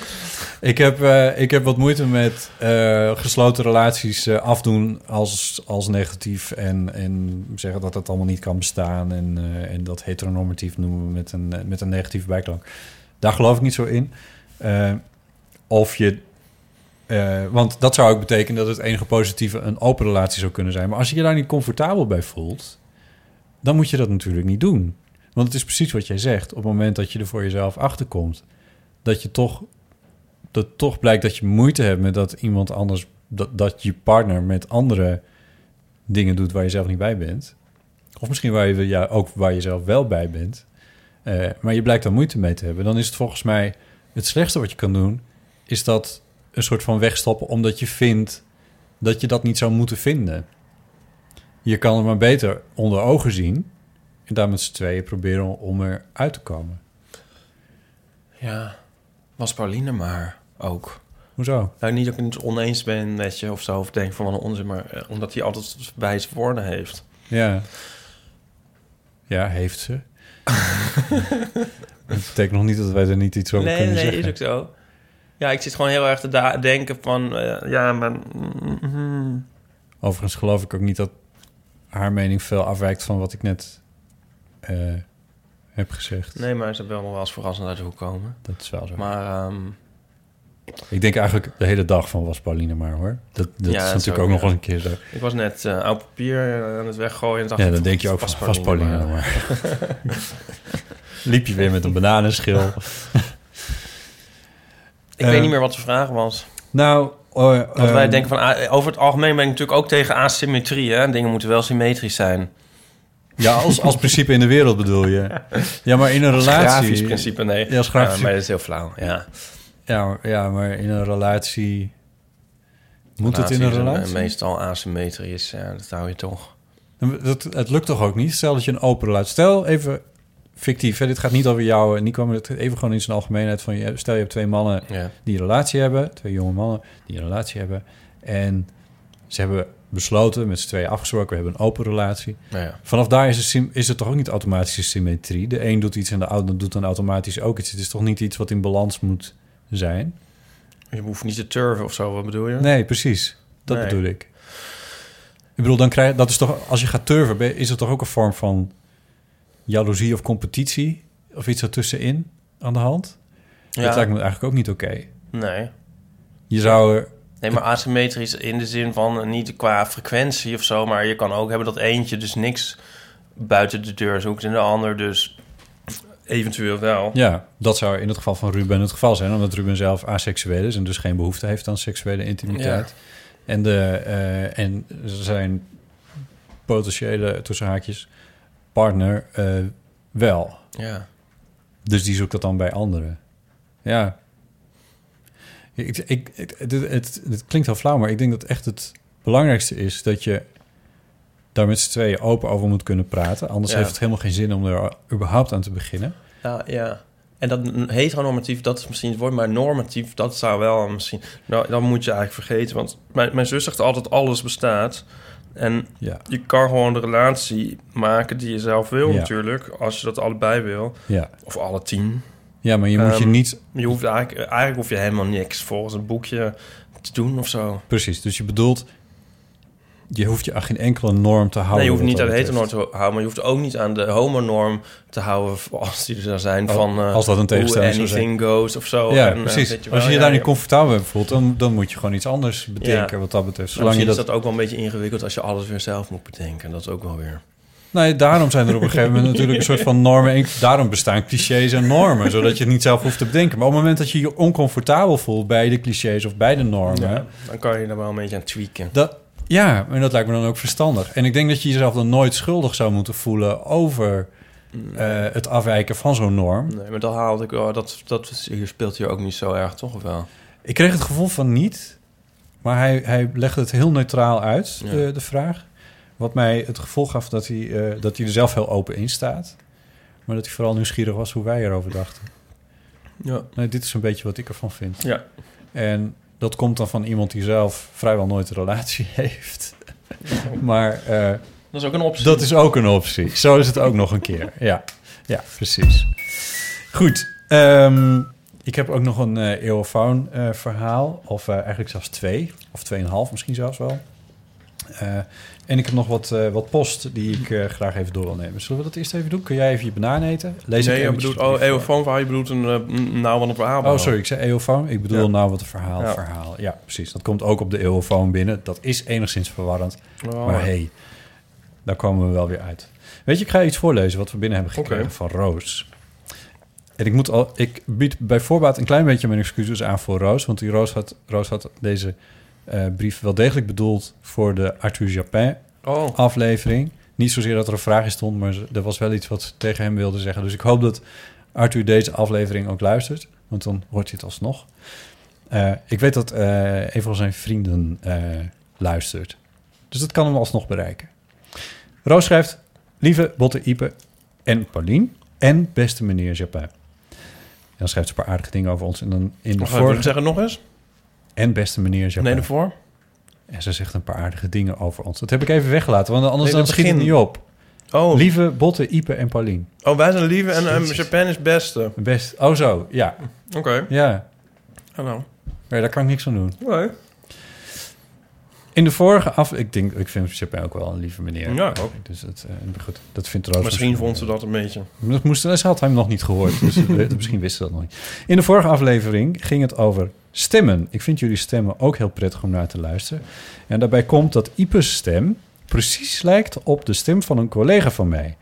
Die collega is ook heel leuk en aardig, maar alleen waarschijnlijk 50 kilo zwaarder dan Ipe en heeft donker haar met krullen. Nogal een verschil dus. Waardoor ik de eerste twee of drie afleveringen die ik luisterde... regelmatig even naar een foto van Ipe moest kijken tijdens het luisteren... om bij mezelf in te prenten dat het echt niet de collega was die ik hoorde. Heel gek. Verder wil ik nog even kwijt dat Vaslav een van de beste boeken is die ik ooit las. Ik heb het tijdens een prachtige reis naar Boedapest in, in twee dagen uitgelezen. En het maakte de reis nog mooier.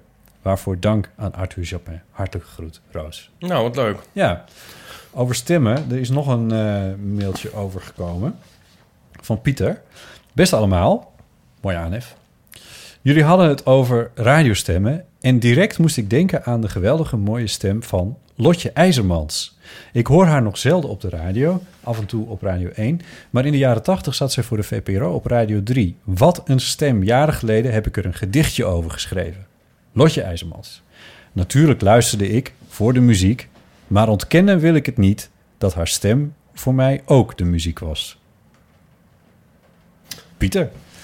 Ik dacht, ik ga Ik ken Lotje heel goed. achteroverleunen en dit gedicht, maar dat was het al. Ja, Lotje was Een namelijk mooi gedicht. Lotje was eh, eh, chef van eh, de avonden, waar ik dan voor heb gewerkt. En was ook heel lang de chef van Nooit meer slapen, waar ik ook voor heb gewerkt. Dus ik heb jaren met haar samengewerkt. En Pieter heeft gelijk, ze heeft een fantastische stem. Ze maakt nu niet meer Nooit meer slapen. Ik weet niet wat, maar ze werkt nog wel bij de VPRO. Maar dat kan de reden zijn dat je haar wat minder op de radio hoort, denk ik. Ze heeft een hele mooie, donkere vrouwenstem. Ik vind haar stem ook echt heel erg mooi. Ja. En waar eh, Pieter op doelde was volgens mij...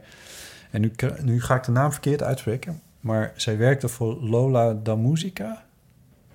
Is Ja? dat een titel die jou... eh, Ja, dat zegt me wel. Ja, daar werkte Was het ze- VPRO, toch? Ja, jaren geleden. En dat werd dan gemaakt vanuit eh, Studio Amstel eh 54 of Studio 80. Later is dat Studio 80 gaan heten, of Amstel 54. Ik weet even niet meer. Iets in die geest.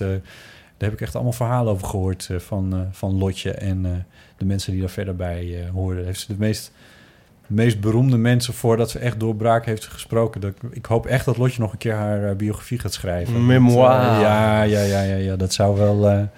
dat zou heel mooi, mooi zijn als ze dat doet. Misschien, en dan hopelijk gaat ze hem dan ook inspreken. Inspreken als ja. luisterboek bij Storytel. Bij Storytel, ja, precies. Nog een mailtje. Hoi Ipe, Botte en Paulien. Ik luister de aflevering Alles over hoe je je hand moet vasthouden in delen. Dat was eh, de laatste die we met Paulien samen Ja. hebben gemaakt. 69 volgens mij? Ja, Ja. aflevering 69. Waar ik om moet lachen is jullie gesprek over irritante stemmen...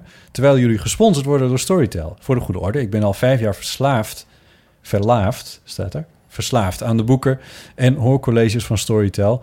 Toch zijn er boeken die ik niet uitkreeg vanwege de stem. Het diner van Herman Koch wordt door hem zelf voorgelezen. Meestal een succes, zoals Arthur Japin. Dat voorlezen dan, zelf voorlezen. Maar ik kwam niet voorbij mijn irritatie bij Herman Koch dan.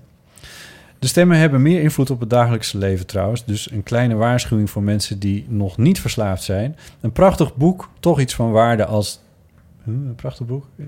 Een prachtig boek, toch iets van waarde als de stem daarna een reclame inspreekt. Ik denk dat daar het woordje verliest ontbreekt. Ja. Een, prachtig, een prachtig boek verliest iets van waarde als de stem daarna een reclame inspreekt. Dat, dat is waarschijnlijk bedoeld. Een reclame wordt echter niet beter als de stem een mooi boek inspreekt. Ja, dat komt voor inderdaad. Dat voorlezers ook Het reclame is weer zo'n asymmetrische relatie. Zo'n asymmetrische, aseksuele Ja. relatie. Weet je wel, hè? Een ander struikelpunt is het als een boekenreeks per deel een andere stem heeft en, namens, en namen anders uitgesproken worden. Oh, echt? Zoals de boeken van Tolke Dracht. Oké. Tot zover hoor, want ik merk dat typen luisteren en op tijd uit de bus stappen niet gaat. Eveline. Nou, wat leuk. Ja. Ja. Eh, ja. Ik hoop niet dat ze het dan vervelend vindt dat wij het af en toe wel over Storytel hebben. En dat is ook een soort van reclame maken of zo. Ik heb er nog geen negatieve geluiden over gehoord. Ik ook niet. Nee. Eh, nog een mailtje. Hier hebben we het al een keer Het is maar eerder. goed dat we een bezemwagen-episode hebben. Ehm, dit is dit mailtje van, eh, van Jeffrey. Of Joffrey. Een onderwerp dat ik zelf fascinerend vind is tijdloosheid. Oh, jeetje. Als ik een nieuwe film heb gezien of een boek heb gelezen enzovoort... dan vraag ik me altijd af... hoe vinden mensen dit over 20 jaar? Kan het de jaren doorstaan? Mijn vraag aan jullie is dan ook... welke boeken slash films slash gebouwen slash artiesten... uit de afgelopen plus minus vijf jaar... zullen we over 20 plus jaar nog steeds kunnen waarderen? En welke boeken slash films slash gebouwen slash artiesten... die heel populair zijn momenteel... zullen we snel vergeten? Nou, Nou, bluff. Nou, heb ik dezelfde neiging als de vorige. Want hoe, dan moet ik toch eerst weten, voor we hierop ingaan... hoeveel, hoeveel post is er nog? Oh, dit is de laatste, dit, dit is de laatste brief. Oh ja, en dan hebben we nog een, nou, wat een verhaal. We hebben nog een, eh, ja. Ja. Ehm, ja, maar dit kwam ook een beetje voort uit onze Utrecht-aflevering... Ja. die we hebben opgenomen... waarbij, we, waarbij ik een beetje liep te fitten op, eh, op die verbouwingen die daar eh, ja, de plaatsvinden. bollendak. De bollen, die, die, die, die dingen zijn weg. Die, die borden, dat Zwitserlinde Duits. Ja, die komt met enige regelmaat in, eh, in, Ja. in Utrecht. Maar Ja. ehm, het meest trieste wat er is... is als er een nieuw gebouw wordt gebouwd... waarvan je denkt... oh nee, wat lelijk, wat moet het hier, haal het weg. Want als het dan net gebouwd is... dan weet je van, nou, dat gaat voorlopig even niet gebeuren. Nee. Weet je waarmee dat gaat gebeuren? Dat kan ik je op een briefje geven. Nou, Dat is het nieuwe gebouw op de kop van het Oosterdok in Amsterdam. Vanuit de trein is het ook goed te zien. Eh, je kent de klimmuur. ja. Als je met de trein aankomt, zie je de klimmuur. Nou, Ja. aan de overkant van het water wordt... Dat staat al jaren... Daar stond ooit het eh, postgebouw van eh, PostNL, was dat? Ja. Eh, Post CS heette dat. Daar heeft ook nog een club in gezeten. En al die shit, dat is Ja. allemaal afgebroken. Ja. Dat is jarenlang is dat een, eh, een soort vijver geweest... Naast het conservatorium daar. En er wordt nu gebouwd. Er staan hele hoge kranen. Ja. En daar wordt een, het nieuwe hoofdkantoor van Booking.com gebouwd. Oh. ja. En dat wordt een glazen gedrocht... Oh ja. Dat, niet al, dat niet alleen heel erg misstaat daar in dat deel van de stad, en, en zich maar, hè, dan alleen maar hoog en glas is of zo. Maar het stulpt ook nog eens een keer uit over de weg. En Mag zien? zo richting het water. En, eh, het Is er dan een artist impression van? Ja, die is er al, ja. Mag we ja. dat zien? Ja, even kijken of dat... Dan zetten we dat gewoon in de show notes natuurlijk. Die, ehm, dat Chinese restaurant mogen ze ook wel een keer afzinken. Ja, gaat ook niet weg, hè? Toch? En eh, weet je wat ik erg vond? Heel lang dat, eh, dat, dat het VOC-schip... dat dan niet bij het Scheepvaartmuseum lag... maar voor dat Nemo. En dat vond ik zo'n lelijke eh, combinatie. Sorry, dat ding van? Dat, dat VOC-schip. Oh, Dat lag heel lang bij de Nemo. Maar dat vond, ik zo'n lelijke combinatie. het ja. Maar nu ligt lag het het- bij Nemo? Dat ja, heel al- lang. Jaren. Nu ligt het weer bij het Het Scheepvaartmuseum. scheepvaart. Dat is, dat is 100 meter varen. Ja, wel, maar er was er dan iets. Ik weet niet. Maar goed, Ja. we dwalen enorm af. Ja, het waren een beetje af. Maar even kijken. Ik, Het is natuurlijk super mooi, dat gebouw dat je nu gaat laten zien. nee, het is afschuwelijk. Het is echt of zo... Oh, het is zo erg. Het is zo erg. En, en het wordt gebouwd. En waarschijnlijk ook voor een miljoen... wat klik ik nou weer op? Afbeeldingen wil ik. Waarom, waarom doet Google die kopjes steeds verplaatsen? Hmm. Ja, stom. Het klinkt nou ook als een soort... Hier, kijk nou. Kan toch ook gewoon niet? Maak eens groter. Ja. eh, hoe doe je dat? Jezus, groter. Nu wordt het dus gewoon weer kleiner. Ja, maar je kan ook gewoon... Ja. Moeten de mensen allemaal naar luisteren. Ja. dat, dat bedoel ik, ja. Hier, het, het, ehm, dus je googelt even eh Booking en, eh en Oosterdoks eiland. Dit is eigenlijk totaal niet de vraag, hè. De vraag was wat het wel mooi was. Ja, dit is... Oh, was het wel, is dat? Nee, wat, oh. Eh, ja, ik begon er zelf over. zullen we snel vergeten, vroeg hij. Nee. Oh, zullen we snel Ja, ja, vergeten? nou, dit, dit, Oh, ik, wel snel ik denk niet dat we dit snel vergeten. Oh. vergeten, want dit, dit, Nee, dit ja, hangt dus aan alle kanten over de weg heen. En het is een soort... Het is een beetje oppressief op deze tekening, maar ik, over het algemeen kun je beter iets hoogs neerzetten dan iets breeds. En ehm, dat lijkt hier een beetje mis te gaan. Ook nog van Booking.com. Dat is Ja, ongeveer nee, het schuwelijkste is wat, wat het internet heeft voorgebracht. Oh, ja. Maar goed, ehm, dit, dit vind ik dus heel lelijk. Dus dat komt niet goed. Oh, ja, maar hij vraagt eigenlijk allebei. Wat zullen we over 20 jaar nog steeds kunnen waarderen? En wat? Oh ja. Nou, Zullen we snel de vergeten? Noord-Zuidlijn. Ik heb ervoor gewerkt. Ik, maar bedoel, ja, maar ik, ik heb weet- die podcastserie gemaakt. Maar die vind ik dus echt wel... Dat vind ik dus heel knap. Want dat is niet alleen dat... Hè, die is, eigenlijk is die 20 jaar geleden ontworpen namelijk. Die Noord-Zuidlijn. Want ze hebben er gewoon veel langer over gedaan dan, eh, dan, dan de bedoeling was. Maar dat, ik vind dat zo goed ontworpen allemaal... eh, dat ik ervan overtuigd ben dat we de oude 20 jaar naar kijken van... Ah ja, dat is gewoon wel... Dat is echt een goed ontwerp geweest. Dat staat natuurlijk onder de grond. Dus daar kijk je wat minder tegenaan. Daar, zit, daar ben je hooguit in. Maar, dit, maar dat, ben je er al eens in geweest? Eh, Nee. Ja, toen met jou voor die open was. Oh ja. Maar ja, deze vraag is veel te groot. Want, want je kan een Noord-Zuidlijn niet vergelijken met een boek, zou ik maar zeggen. Nee. Ik moet wel vaak... Ik heb, moet zeggen dat ik deze vraag wel herken. Want ik was dus naar die film van Niemand in de Stad... Ja, die ik mooi vond in ja het want je moment. begint er nu alweer voor de derde keer over. Nou ja, omdat... mm, mm, maar eh, ik, ik denk dan ook op zo'n moment van... Goh, hoe zou je over tien jaar naar zo'n film kijken? Ja. Zou die een soort status Ja. verwerven of niet? En dat betwijfel ik dan wel enigszins. Ja. En je kan... Het is natuurlijk maar een soort zeldzaamheid dat iets dit gebeurt eigenlijk. Dus het is denk ik makkelijker te zeggen wat dan wel. Dat weet ik niet. Ik, ik weet ook niet hoe het toen de tijd over bijvoorbeeld een film als Turks Fruit werd geschreven. Of gedacht. Nee. Ah, ik kreeg van de week ook weer van Marines een bandje van het eerste Spinvis-album. oh ja. Maar dat- was eh, zeg maar heel erg in de CD-tijd. En dan had je zo, als cover van de CD had je een bandje. ja. En nu hadden ze voor een cassette day of zo... was er een echt bandje uitgebracht met dat onderwerp. En dan staat dan Oh, het album op. Maar dat vond ik dus een soort... Dat album, dat vond ik echt zo'n album van je dacht toen je dat hoorde van... oh ja, dit is echt een instant classic. Ja. Dat is natuurlijk heel tof. Ja, waar ook, eh, god hoe heet het nummer nou, maar ik ben een vrouw van 40 met een sigaret. Ja. Die staat erop. Ja. Smal film. Ehm, en hoe vaak je, heb je nou zo... Want het is ook nog niet eens... Dat is dan Nederlands. Ja, die vraag is zo groot. ja, dat is waar. Ja. Het Maar, gaat over ehm, alles wat er gemaakt wordt, van gebouwen tot aan. De eh, afgelopen vijf jaar. ja. Ik weet het echt niet. Nee, maar ja, precies. Maar T-Pex, eh, Andy. Ja, precies. Die blijft. Ik denk Voor dat, mij- dat denk ik echt overigens. Ja, voor mij blijft het album Black Messiah van, van, eh, van D'Angelo, wat hij in 2014 heeft gemaakt. Dat blijft. Ehm, Maar voor jou of voor de men? eh, oh dat nee, is dit ook niet helemaal voor de mensen, ja. Nee, ik denk wel iets groter dan mezelf. Oh, toch wel. Ja. Dat, dat raam van jou, is een architectonisch oogstandje. Dat denk ik dat daar ook over twintig jaar... dat we daar wel van denken van... Wow. Dat was echt een goed idee geweest, hè? ja. Ehm, en eerlijk gezegd heb ik bij films Boyhood... Ja. Dat vond ik wel een... Die durf ik niet eens te herkijken, zo goed vond ik hem. Dat is ook wel weer gek, maar... Ik heb recent de DVD gekocht, dus ik ga dat binnenkort wel weer een keertje doen. Maar eh, toen, eh, toen ik... Ik weet nog dat ik toen uit... het- wat- Hoe oud is die film? Dat is nu vijf jaar geleden of zo.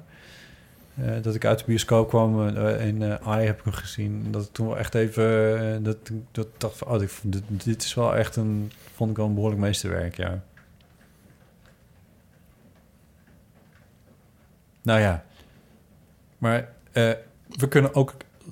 Luisteraars, ja, zeg het maar. wat zijn... Laten we het dan even precies doen, want Joffrey heeft het heel mooi opgeschreven. De vraag was, welke boeken, slash films, slash gebouwen, slash artiesten... uit de ongeveer afgelopen vijf jaar... zullen we over meer dan twintig jaar nog steeds kunnen waarderen? Wat zijn de klassiekers? Wat zijn actuele klassiekers? Ja. Ik vind het een, goed, ik vind het een goede vraag. Laat het ons weten. Laat ons weten. En mail in dit geval. Want dat vind ik wel leuk. Dan hebben we ook weer wat, gewoon wat mail. Ja, mail maar. Naar botten.eeuwvanamateur.nl uh, En doe het dan onder het kopje tijdloosheid. Want dan maken we daar... Als we dan genoeg inzendingen krijgen, maken we er een rubriekje van. En anders dan eh, lezen we ze gewoon lekker voor. En tussendoor. anders is het ook... eh, ja. Zouden de podcasts, zouden die... eh Zo'n tijdloos... Zouden die de tijd kunnen doorstaan? Ja, ja, ja, ja. Weet ik niet, Ipe. Sommigen wel. Serial wordt wel gezien als een klassieker. Ja. Dat is een podcastserie. En die is ook al meer dan vijf jaar oud, trouwens. Deze vraag is echt helemaal verkeerd, want ik zit, ben helemaal op slot gegaan. en eh, ook als ik nou eh, tot één categorie had beperkt, dan had ik... Ik zit nu de hele tijd zo te switchen Maar dat is niet erg, want- is dat niet erg? Nee, dat is niet nee, maar erg. Als, het nog, er- als er nog iets uit, zinnigs uit moet komen, moet ik wel dit Ja, proces we sluiten, het- afsluiten. we sluiten dit proces ook af. Dat wil ik voorstellen. Ja, Want maar- ja. als je dan iets te binnen schiet, ergens in de komende periode, maak dan een aantekening in je boekje of Oh. God knows where, waar je dat doet, of in je hoofd. Eh, en neem dat gewoon mee en breng het dan. Want het is Ja. helemaal niet gezegd dat we daar nu het Nee. definitieve antwoord op moeten geven. Ik zou het eerst leuk vinden als we soort da- daar een soort, hoe zeg je dat? Moet je nog een banaan? Moet wel even goede gele uitzoeken, want ze waren wat groen. eh. Dit is de geelste, maar ik hou op zich Ja. wel van groen. Ja, nou, ik heb dus gespoord. Oh, dus ik- oh, je hebt ik zal alle- carbs nodig. Ja, ik heb ontzettend honger. Ik verga helemaal. Oh, Daarom begin ik ook steeds minder te praten. Pepernoten eten. Ja, maar ik mag van Jules niet meer eten tijdens de podcast. oh. En die banaan hoor je denk ik niet, want dat, dat Ja, dat- brak ik een beetje zo tussen Ja, mijn Ja, ik mijn vind het ook leuk hoe je die schil na afloop in je, in je, in je jas, Ja. stopt. Goed, eh, we gaan naar... Sponsormomentje. eh, we gaan naar de... eh, Geef ons het geld. We gaan naar... Wat een verhaal! Dit, jaar, dit najaar maken we elke week een nieuwe aflevering van de Eeuw van de Amateur. Elke week is bijzonder voor ons. Deze serie maakt, eh, is mogelijk gemaakt door Storytel. Storytel heeft duizenden audioboeken met duizenden verhalen die jij kan beluisteren. Vanaf jouw smartphone, tablet of de website. En speciaal voor de Eeuw van de Amateur kan je deze verhalen twee weken langer gratis proberen. Ga daarvoor naar storytel.nl slash eeuw en probeer Storytel 30 dagen gratis. Wij danken Storytel voor het sponsoren met onze verhalenrubriek. Nou, wat een verhaal. En daar hebben we nu twee verhalen. We hebben al aardig wat thema- thema's liggen. Maar eh, we hebben nu ehm, twee verhalen deze keer. Eentje in twee delen over de tandarts. En eentje die over een heel nieuw... Zullen we eerst de tandarts even doen? Want daar, zijn we, want daar komen we toch ook maar niet vanaf. Dat is, toch wel een goed onderwerp te zijn. Goed, de tandarts. Ehm, ik heb nog een verhaal voor. Nou, wat een verhaal. En ook een tandartsverhaal. Het is honderd keer mosterd na de maaltijd, maar ehm, toch maar doen. Ehm, toen ik studeerde, toen kreeg ik een nieuwe tandarts. En dat was een hele leuke man. Die was helemaal vol lof over mijn gebit. En het was fantastisch. En eh, nou, helemaal in de gloria. En toen ging ik dus ook steeds weer daar naartoe en ook weer weg. Dus ik was altijd heel erg gecharmeerd en blij dat ik weer zo een goede beurt had gemaakt. Nou kreeg ik, helaas ging die man met pensioen, dan kreeg ik een nieuwe tandarts. En dat was een Duitse mevrouw. En die ehm, vond het weer nodig om eens een foto te maken. Zo'n 365 graden foto waar mijn hele gebit, kaken en alles op stond. En eh, zij schrok een beetje over wat ze zag. Of beter gezegd, zij maakte daar mij ook mee aan het schrikken. En ik zat eerst heel relaxed in de stoel en daarna opeens met nou ja, zweethanden en paniek. Want ze zei, ja, ik zie een verkleuring in je kaak. En dat was, is erger geworden, want ze zag op de foto, toen ik daar kwam, dat daar inderdaad een plekje op zat. En die was nou ja, in die paar jaar tijd eh, erger verkleurd. En ze vond dat ik naar de kaakchirurg moest. Nou heb ik zelf een hele slechte ervaring met kaakchirurgen. Dus ik ging al met, nou ja, daarheen. En ik kreeg een cd-rommetje mee met de foto ehm, van voor en na eigenlijk. Die heb ik zelf thuis ook eens bekeken. En toen dacht ik, goh, wat is die foto eigenlijk? Die ene foto is een beetje smoezelig en die andere is veel scherper. Het lijkt alsof het gewoon een betere foto is, waardoor je het beter kunt zien. Maar ik denk, ja, wie ben ik? Dus ik ging met zweetsnor, paniek, ehm, lichtelijk hypochondisch en met allerlei Oh, waanideeën over dat mijn kaak kapot moest en open en Oh nee. geopereerd en zo eh, naar het ziekenhuis. Kom ik daar aan. Ik was al wat laat en eh, het was warm en eh, nou ja, zweet overal. Lag ik te panikeren in de stoel. En die kaakchirurg die doet wat testjes en die, die vroeg of ik klachten had. Nou, had ik niet. Ik wist helemaal niet waarom ik daar zat. ik zei nog, ja, ik vond die foto, maar ja, wie ben ik, nog wat scherper lijken dan die andere foto. Ik denk dat er eigenlijk niet zoveel is. Hij bestuderen, collega erbij. Ja, ja, ja, ja, ja. Ik denk ook eigenlijk wel dat dat zo is. Ja, als je geen klachten hebt, ja. Ik denk dat je hier gewoon voor niks zit. Nou, dat eh, was dus een, eh, een domper, of een deceptie eigenlijk. Want aan de andere kant voor mij was het prettig natuurlijk Ja. dat ik niks had. Maar de, vorige, de keer erop dat ik bij de tandarts kwam, heb ik toch wel heel even duidelijk tegen haar gezegd dat ik het zonder van eh, het geld en van alle moeite vond om daarheen te gaan. Ja, en haar ja, enige Ja, toen, dat was de voicemail, die houdt dan eventjes op. Maar ze belde nog een keertje. Oh, Ja, dan was ik weer om het verhaal toch nog even af te maken. Het klinkt echt heel knullig nu dat ik weer Nee, wil niet, Maar goed, eh, uiteindelijk toen eh, bij de volgende afspraak bij die Duitse tandarts... toen heb ik wel even tegen haar gezegd dat ik het niet zo heel tof vond. Dat ik, nou ja, eigenlijk voor niks ehm, die kant op ben gegaan. En dat ik het zelf ook eigenlijk al had gezien. Eigenlijk om haar gewoon een beetje een sneer terug te geven. Ehm Hij zei het, het enige verweer wat ze had. Ja, nou ja, je kunt het nooit zeker weten. En eh, nou hebben we eruit kunnen sluiten. Nou, dat vond ik toch wel echt eh, nou, typisch dokterargument. Maar zonder van de tijd en van het geld. En eh, nou ja, alle zweet en paniek die ik ervan gehad heb. Ehm, nou, ik hoop dat jullie, ondanks dat dit een beetje een gek bericht is... zo tussen twee pieps door een handig bericht is. En ehm, ik eh, geniet iedere week op zaterdag in de sportschool als ik naar jullie luister en eh, ga vooral zo door. Dankjewel en dit is Suzanne. Doeg! Dankjewel, Suzanne. Suzanne neemt je mee. nou, wat een verhaal.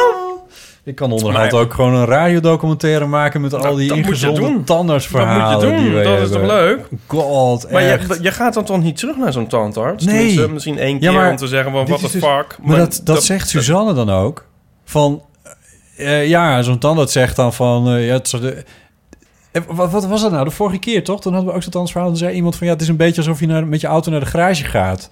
Zo van, ja, ik heb er zelf geen verstand van. Jullie zullen het wel weten. Doe maar. Dat, dat geldt voor een gebit toch in, in grote mate toch ook wel. Als ze met zo'n foto komen en zeggen van... Ja, verkleuring, dan... Wie ben jij om dat niet serieus te nemen? Ja, maar... Ja, second nou, opinion, second opinion. Als je een goede tandarts hebt, dan, mm, zoals ik... Dan, Sorry, als je? Als je een goede tandarts hebt, dan kan je, merk je wel dat het een goede is. Ja, maar hoe weet je nou wat een goede tandarts is? Nou kijk, Zijn daar systemen voor? dit was dus geen goede natuurlijk, want Nee. dit is natuurlijk een soort... Hè? Ja, maar ik bedoel, je gaat toch niet af op, op Google Maps recensies? Ik toch ook aan mensen vragen... Ja, Als Ja. jij, dan, jij kan toch ook aan mij vragen, wat, wie, wie is eigenlijk jouw tandarts? Mag, kan ik daar ook eens heen? Ja, nou heb ik een, nou vind ik dat ik een goede tandarts heb. Ik heb geen problemen met mijn tandarts. Maar, ehm, maar wat zou nou bijvoorbeeld... Want ik denk soms... Sorry hoor. Ik denk soms wel eens van... Wat, wat ik dus heel fijn... Wat, ik heb dus een goede ervaring en een slechte ervaring met het tandarts. Dat heb ik vorige keer verteld. Die, die andere tandarts die, die wat gekke theorieën op nahield. Ja. Dat zijn een soort... hoe, hoe, hoe heet dat? Eh, een soort, eh, soort triggers, waar je, eh, een soort negatieve triggers, waarvan je alert op moet zijn. Van als iemand dat soort shit begint te zeggen, dan moet Ja, je toch. Ja, daar is een woord voor. En dan, en dan, moet je, dan moet je eigenlijk meteen ingrijpen. Dan moet je niet afwachten en denken van nou, ze zal het wel weten. Dan moet je eigenlijk meteen ingrijpen. Dat was bij mijn negatieve ervaring en dat heb ik toen ook gedaan. En bij die positieve ervaring is het, dit is een jong iemand, dat wil zeggen, ze is geloof ik dertiger. Eh, Oh, dat zei je. Nog niet zo heel erg lang van, van een tandarts, frisse tandartsopleiding af. Eh, iemand die ook wat, eh, die je met, met wat humor benadert, lekker vlot is. Ja. Maar goed, bij een, een garage, als, als iemand dan heel veel humor heeft, dan vertrouw ik het al helemaal niet meer. nee, oké, nee, maar goed, goede. Maar het is natuurlijk gewoon zo, mensen kennen het ook. Maar ik denk Ja. van het een teken is of je met allemaal vragen nog blijft zitten. Als iemand, dat, dat, zal, dat laat Ja, mij het ja. altijd niet gebeuren. Die legt alles helemaal uit een treuren uit en laat alles heel duidelijk zien.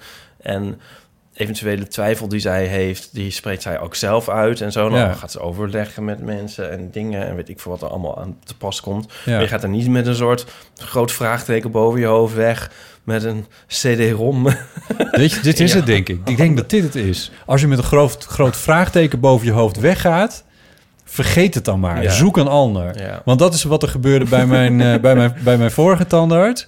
Waar ik inderdaad ik dacht van, wat de fuck is dit? Wat is dit voor gek idioot verhaal over zenuwbanen? En, en Ja.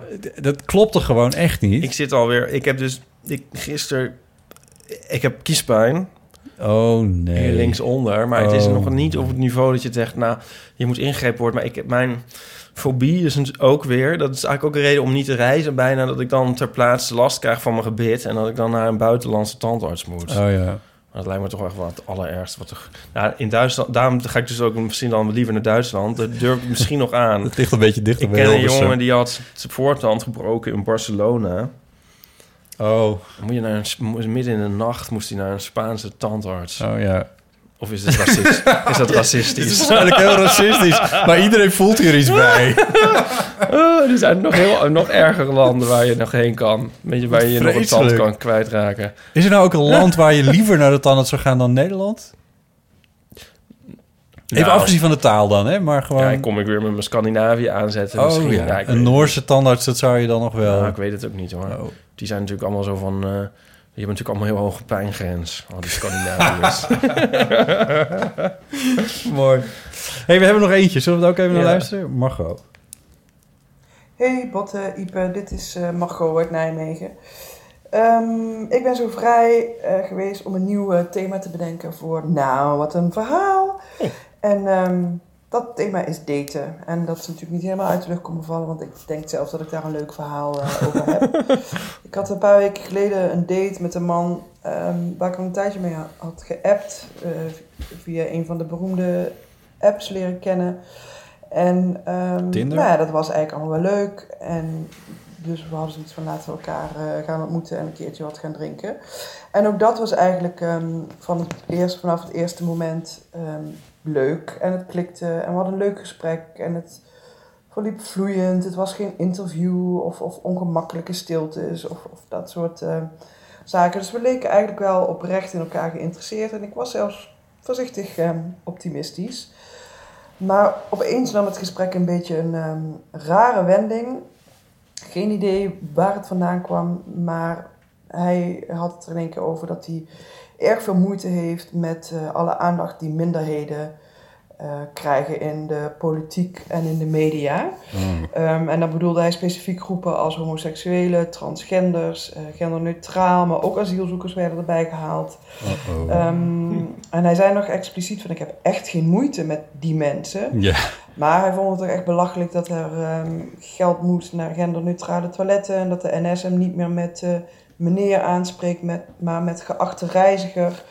Eh, alle asielzoekers ehm, uit Syrië zijn hier aangekomen met eh, vliegtuig en zijn vervolgens hun paspoort kwijtgeraakt. Nou ja, dat soort ehm, ideeën en opvattingen. Nou ja, ik sta hier heel anders in. en kan dan ook niet, wil ook helemaal niet doen alsof ik het daarmee eens ben. Dus ik ging er nogal eh, fel tegenin. En we raakten in een, eh, nou een pittige discussie, ehm, een langdurige discussie vooral ook eh, verzeild. En op een gegeven moment raakte ik er helemaal gefrustreerd van. En zei ik van ja, we gaan hier echt niet het over eens worden. Dus laten we het maar ergens anders over hebben. En op een of andere manier lukte dat ook wel. En hadden we toen toch wel weer best een leuk eh, vervolg van de avond. Ehm, maar uiteindelijk, toen we naar huis gingen, ehm, het zal jullie niet verbazen, hebben we toch beide aangegeven dat die tweede date eh, er maar niet van eh, moest gaan komen. Hmm, nee. En ehm, over de zwarte pieten discussie ben ik helemaal maar niet eh, begonnen. Dus dat is mijn verhaal ehm, over daten. Doei. Nou, wat een verhaal. Ik, eh, het lijkt me dat je er verstandig aan hebt gedaan dat dat niet een eh, tweede, tweede date werd. Je had misschien niet zo getroffen in eh, dit geval. Eh, want ehm, Het is schijnt dus mogelijk te zijn om, om, om een relatie te hebben met iemand met wie je het politiek totaal oneens bent. heb je een voorbeeld? Eh, ja, was het niet ehm, de vriendin van Thierry Baudet dan heel links of zo, zogenaamd? Ik weet niet of ik dat helemaal geloof, maar ik bedoel, volgens mij komt het wel voor. Het komt denk ik wel voor. Ja? Nou ja. Ja, kijk, dit gaat, maar dit gaat niet over links of rechts. Nee, ja, dit is een Dit soort- gaat over Ja, ja, iemand ja. die zegt van... ik heb geen moeite met minderheden. Nee, dat is een foute fan natuurlijk. Dat is gewoon van. een hele fout. uit- Als je me. Want je kan, dat kan je niet zeggen. Dat, dat doet me heel erg denken aan eh, die eh Dat je Braziliaanse... zomaar alle Spaanse tandartsen over één kam scheert. Ja, dat soort dingen.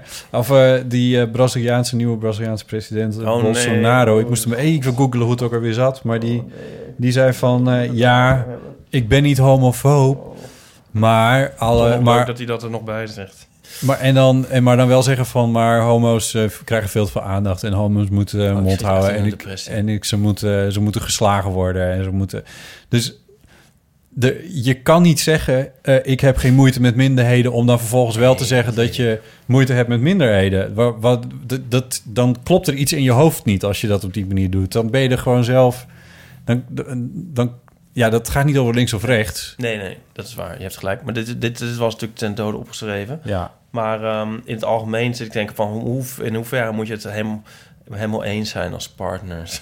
Oh ja, nee, maar ja, dat, nee, dat weet ik ook niet. Maar kijk, iets ergens. Het, je, ik vind het niet erg om het met iemand oneens te zijn. Ik vind het wel erg als iemand echt gewoon de, de waanbeelden op nahoudt. Daar, daar kan ik niet tegen. En dan bedoel ik niet wat dingen die hem per se in mijn ogen niet waar ik het niet mee eens ben, maar meer dingen die gewoon niet kloppen. Je kan niet jezelf eh, zeggen van ik ben geen homofoob, maar alle homo's moeten, eh, moeten hun bek houden en moeten, niet, eh, moeten zich niet zo aanstellen. Dat kan je niet zeggen. Dat zijn die, die twee dingen kun je niet met elkaar verenigen. Dat klopt gewoon niet. Als je dat Nou vindt, ja, kijk, ik, op, heel veel mensen zeggen dat op zich. Hè, dat heet cognitieve dissonantie. dat heet cognitieve En dissonantie. het kan ja, maar wel. als je, maar, ja, en, ja, en ik maar- bedoel, je hebt honderden, duizenden van dat soort mensen. Dus in principe met, hebben die allemaal een relatie dan met iemand die dat ook vindt? Of, of kan je daar dan, dan toch wel een relatie mee hebben? ik vind dat, dat, dat mensen moeten ophouden met relaties beginnen met dat soort mensen. maar mensen als die die kunnen ook cognitieve dissonantie ja, vind ik niet ja. zo erg als het gaat over... ik heb een hekel aan Bluff, maar ik vind eh Liefst uit Londen best een leuk liedje. Dat, vind- dat is de cognitieve dissonantie waar ik best mee kan leven. Het is geen maar, cognitieve, dus dat is gewoon een uitzondering. maar je kan niet, je kan niet zeggen dat je, dat je niet homofoob bent... en vervolgens allemaal homofobe uitspraken doen. Dat kan gewoon Nee, niet. dat staat ook niet ter discussie, maar het gaat er meer Nee, om... dat- maar dan, moet- dat soort mensen moeten niet relaties worden begonnen... Nee, die omdat die moet- die moeten uitsterven. Oh, oh. Zo. Ja, Oh, hallo. Dat is wat, dat is wat anders. Dat is wat anders. Dat is wat anders dan dat dit nou een doodsbedreiging is. Oh. Maar, maar nee, maar ik, Dus, dus, Echt? Dus moet jouw partner ook vinden dat deze mensen moeten uitsterven? maar die zal ook nog wat te vinden zijn. misschien wel, ja, ja. Nee, maar dat is ja. Weet je, ik, en, ik, en het is niet aan Margot om deze meneer in kwestie daarop te wijzen. Ik, ik, ik bedoel, ik, op Twitter kom je dit soort types heel vaak tegen. Vooral op de Twitter. Al, al genoemde eh, Thierry Baudet door, eh, Ga ik van Twitter af hoor. door ome Sydney eh, nu van Twitter voortdurend fact-free Cherry genoemd.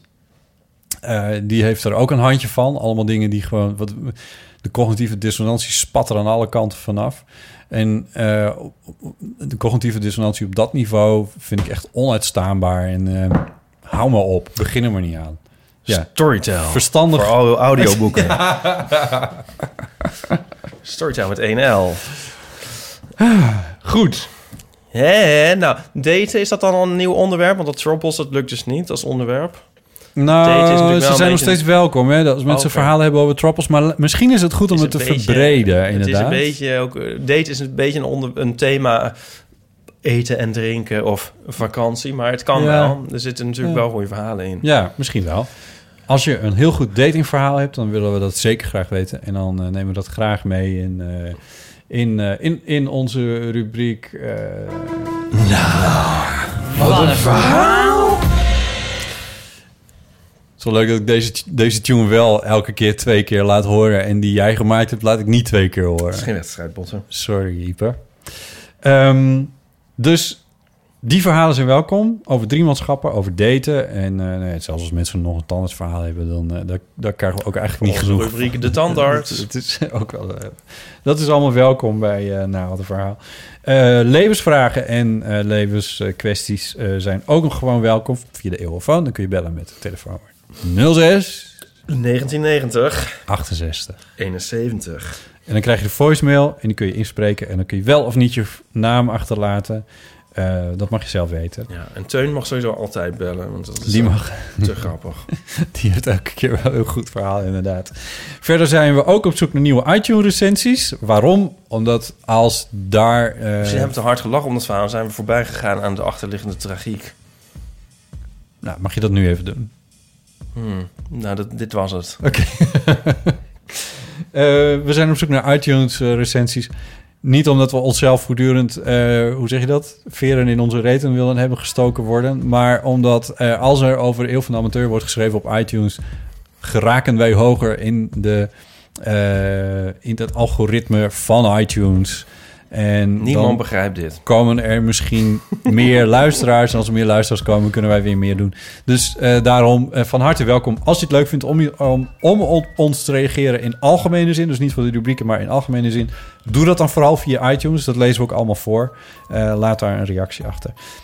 Dat is het eigenlijk voor deze keer. Ik wens jou, Ipe, heel veel plezier Dankjewel. in Berlijn. Dat ben je nu aan het hebben. Vielen dank. mooi, mooi. Eh, en we weten nog niet wie we volgende week hebben, de volgende aflevering. Nee. Dat weten we nu nog niet. Dus ik zou zeggen, hou ons via Twitter in de gaten of onze Facebookpagina. Daar, daar zetten we wel een oproepje op tegen die tijd dat we het weten. Eh, dan kun je ook nog op basis daarvan vragen insturen als je het leuk vindt. Bedankt voor het luisteren. Doeg!